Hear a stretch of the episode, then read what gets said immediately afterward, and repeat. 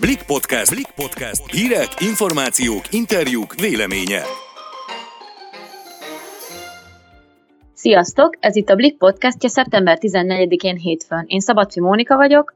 Én pedig Sellei Noémi. Mai adásunkban arról beszélgetünk, hogy szigorítanának a maszkviselés szabályaim. Végül pedig Edwin Marton hegedűművész felesége, Marton Adri gasztroműsorvezető mesél az iskola kezdés nehézségeiről, elárulja, mit gondol a digitális oktatásról, és néhány egészséges tízórai tippet is megoszt a hallgatókkal. Vágjunk is bele! Azok után, hogy most már a tömegközlekedésen a BKK 8000 forintra bünteti, ha valaki nem hordja, vagy nem megfelelően a maszkot, újabb szigorítások vannak kilátásban. Orbán Viktor miniszterelnök ugyanis a hétvégén azt nyilatkozta a közmédián, hogy hoztak egy olyan döntést, hogy ha valaki például egy boltban nem viseli a maszkot, akkor ezért megbüntethetik, de a boltosoknak is oda kell már figyelniük, ugyanis kétszer figyelmeztetik őket maszkordás miatt, a harmadik esetben pedig akár be is zárhatják megnyitják az üzletet. Egy korábbi adásunkban pont arról beszélgettünk, hogy szigorítani kellene a szabályokon. Ez úgy tűnik, hogy most megtörténik, de vajon ennek hatására már tényleg mindenki viselni fogja a maszkokat a gyakorlatban? Nem tudom,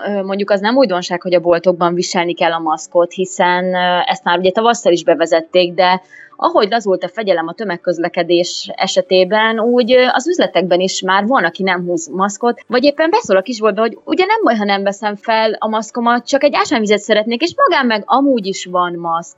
Ilyenkor rendben van, hogy azt kell majd mondani az eladónak, hogy de, fel kell vennie, uram, hölgyem a maszkot, de mi van, ha az illető megtámadja a boltost, vagy éppen továbbra sem veszi fel a figyelmeztetés ellenére sem? ekkor mit tehet majd az eladó? Sajnos erre volt már példa, ráadásul egy biztonsági őr szólt rá egy boltba betérő férfire, hogy húzom már maszkot, de ennek ugye az illető nem akart eleget tenni, és hát neki is esett a biztonsági őrnek. Nagyon érdekes ez az egész, nyilván, nyilván a boltosokban is kialakulhat egy félelem, hogyha hogyha egy nálánál sokkal ö, ö, erősebb személy, vagy indulatosabb személy ellenszegül. Amit említettél, ugye ott egy biztonsági őrről volt szó, aztán ugye van az az eset is, amikor az üzletben egy másik vásárló szól rá egy maszkot nem viselő vásárlóra, mert azért hát lássuk be, hogy egy nagyobb üzletben nem tudják folyamatosan figyelni a vásárlót, hogy viseli a maszkot, még ha belépéskor rajta is van a maszk, utána simán leveheti. Erre is volt példa, hogy az üzlet közepén ordítoztak egymással a, a vásárlók. Minden esetre nagyon érdekes ez az agresszió, amit a, a maszkordás előidéz egyes emberekben. Nem egyszer hallottam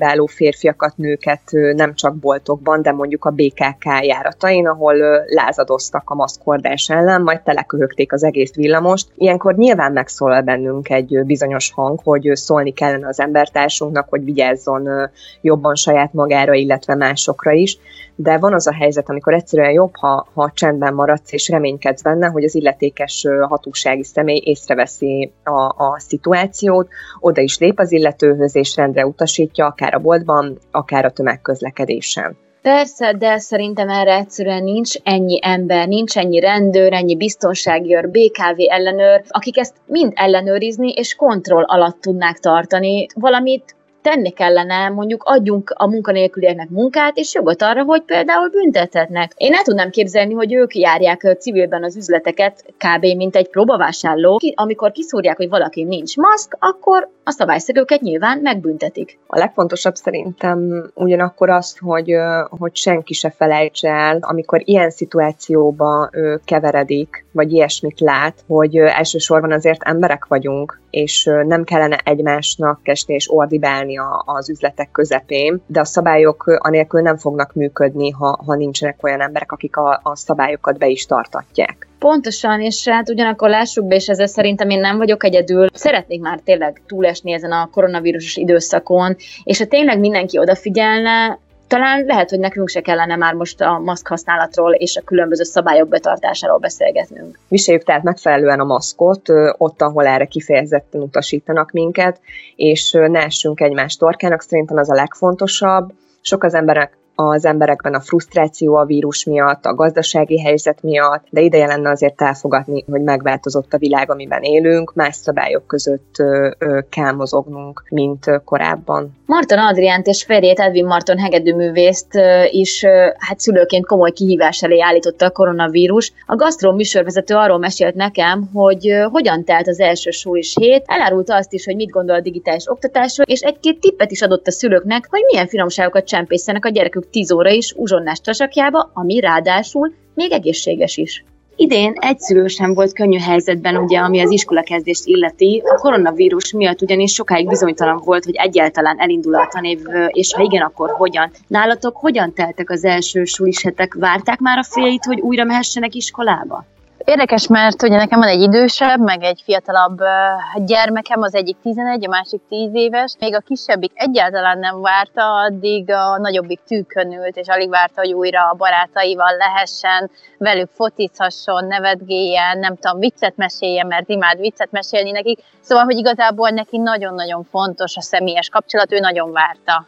Tavasszal ugye át kellett állni a digitális oktatásra, és hát ugye az is előfordulhat, hogy most ősszel is ez lesz. Mit gondolsz a digitális oktatásról? Hogyan tudtátok megoldani a férjeddel ezt az időszakot, és majd most hogyan osztjátok meg a feladatokat? Vannak erre már esetleg tervek? Most így az őszi időszakban nagyon-nagyon bízom a tanárokban, meg a, így a technika fejlődésében, mert nyilván akkor egy új helyzet volt, és akkor ugye így több szülővel beszélgetve ugye talán elégedetlenkedett az a, az a szülői közösség, hogy ugye ránk hárult a tanár szerep, meg ugye aki számon kére a gyerkőcöktől a tanulnivalót.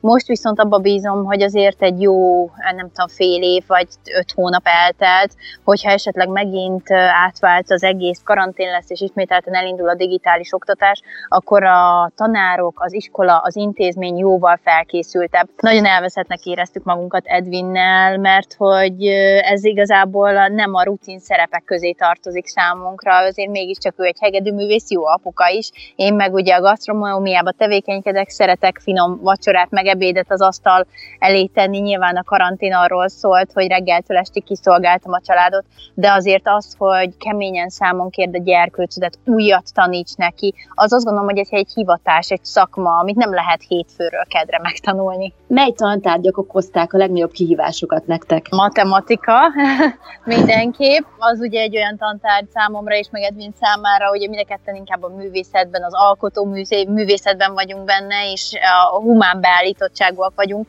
Tehát a maga a matematika léte, főleg az angol matek, mert ugye a srácaim nemzetközi suliba járnak, és akkor nem csak szimplán tanulják a matekot, hanem angolul is, az már egy nehezített pálya, szóval ezt mondanám. Anyukaként egyáltalán hogyan éled meg ezt a vírusos időszakot? Hogyan próbálod, próbáltad meg óvni eddig is a családodat? Igazából azt gondolom, hogy az óvintézkedések azok mindig történnek, és jóval előrébb történnek, bárhol is mondjuk az iskolában, tehát hogy még egyáltalán nem volt beteg, de már bezárták az iskolát. Tehát szerencsésen egy olyan iskolába járnak a gyerkőcök, vagy olyan körülmények között vagyunk, hogy a megfelelő óvintézkedések megvannak, és előrébb tartanak, mint ahogy a vírus ugye bekövetkezne. Ez a normális. Mi ezzel napra készen vagyunk, természetesen a higiéniai előírásokat, maszk, gumikesztyű, minimalizáltuk a boltba járást, az online rendeléseket maximalizáltuk, a gyerkőcöket sem engedtük a barátaikkal ami szerintem egy nagyon nehézkes megoldás ennek az egész helyzetnek, mert hogy gondoljatok bele, és azt gondolom, hogy itt nem csak én, hanem sok-sok szülő mondhatná, hogy ugye ahogy a digitális oktatás és ez az egész otthonlét elkezdődött, a gyerkőcök még jobban a virtuális életben és létben vannak a játékokkal, ott kapcsolódnak a barátaikhoz, valójában ezek a úgymond testközeli személyes kapcsolatok teljesen eltűntek, ami szerintem ennek a karanténnak egy nagyon negatív hozadéka. Van lehetőségük a gyerkőcöknek kimenni szabadba, udvarra, kirándulni szoktatok-e? hogy ne természetesen erre nagyon-nagyon figyeltünk, de, de mint tényleg egy órarend, egyszerűen azt beszéltük Edvinnel is pár napja, hogy egy óra rendszerűen meg kell határozni, hogy hánytól hányig mi történik az életükben, mert különben folyunk, és egy ilyen cél nélküli létben vagyunk, és abban az órarendben, amit mi felállítottunk magunknak a tavaszi karantén időszaka alatt, abban természetesen benne volt a sportolás két-három óra, de amikor visszatér a gyermek, ugye leginkább a virtuális térbe menne bele, ugye ott már mindent készen kap, ott nem kell botot hegyezni, nem kell bunkert építeni, ugye a szülő próbál ellene tenni, de ugye jön a jön az általánosítás, amikor a gyerkőc azt mondja, hogy de hát anya, hát mindenki a virtuális térben van, és akkor ugye az egyik részről elszorul a szíved, lelkiismeret furdalásod van, másik részről meg nem engeded és harcolsz, és közbe kezdesz elfáradni, mert ugye úgyis otthon vagy, és úgyis a virtuális tér húz vissza jobban, mert az könnyebb, az készen kapja a gyermek. Szóval, hogy ennek az örlődésében azt gondolom, hogy arányosan felállítottuk azt, hogy mennyit lehetnek egy játék előtt, meg mennyit kell úgymond a természetbe, a családdal lenniük milyen nasikkal, milyen egészséges finomságokkal örvendezteted meg őket, csempészel nekik oda az asztalra valamit? A zöldségeket nem nagyon szeretik friss formában, viszont például chips formájában, ugye a gyerkőcek általában nagyon szeretik a chipset, úgyhogy ez egy jó megoldás. Most is a, a cékla chips, a répa chips, ezek mind-mind olyan dolgok, amik, amik egy picit talán egészségesebb, mint a hagyományos verzió és a bolti verziója, és például elkészítem nekik nagyon-nagyon szeretik a kencéket, tehát javaslom az anyukáknak, hogy hogyha nem szeretnék a gyerkőceik megenni a nem tudom, friss sárgalépát vagy zellert, az általában undi szokott lenni, úgymond a gyerekeknek, akkor hogyha egy mártogatót vagy egy kencét készítenek mellé,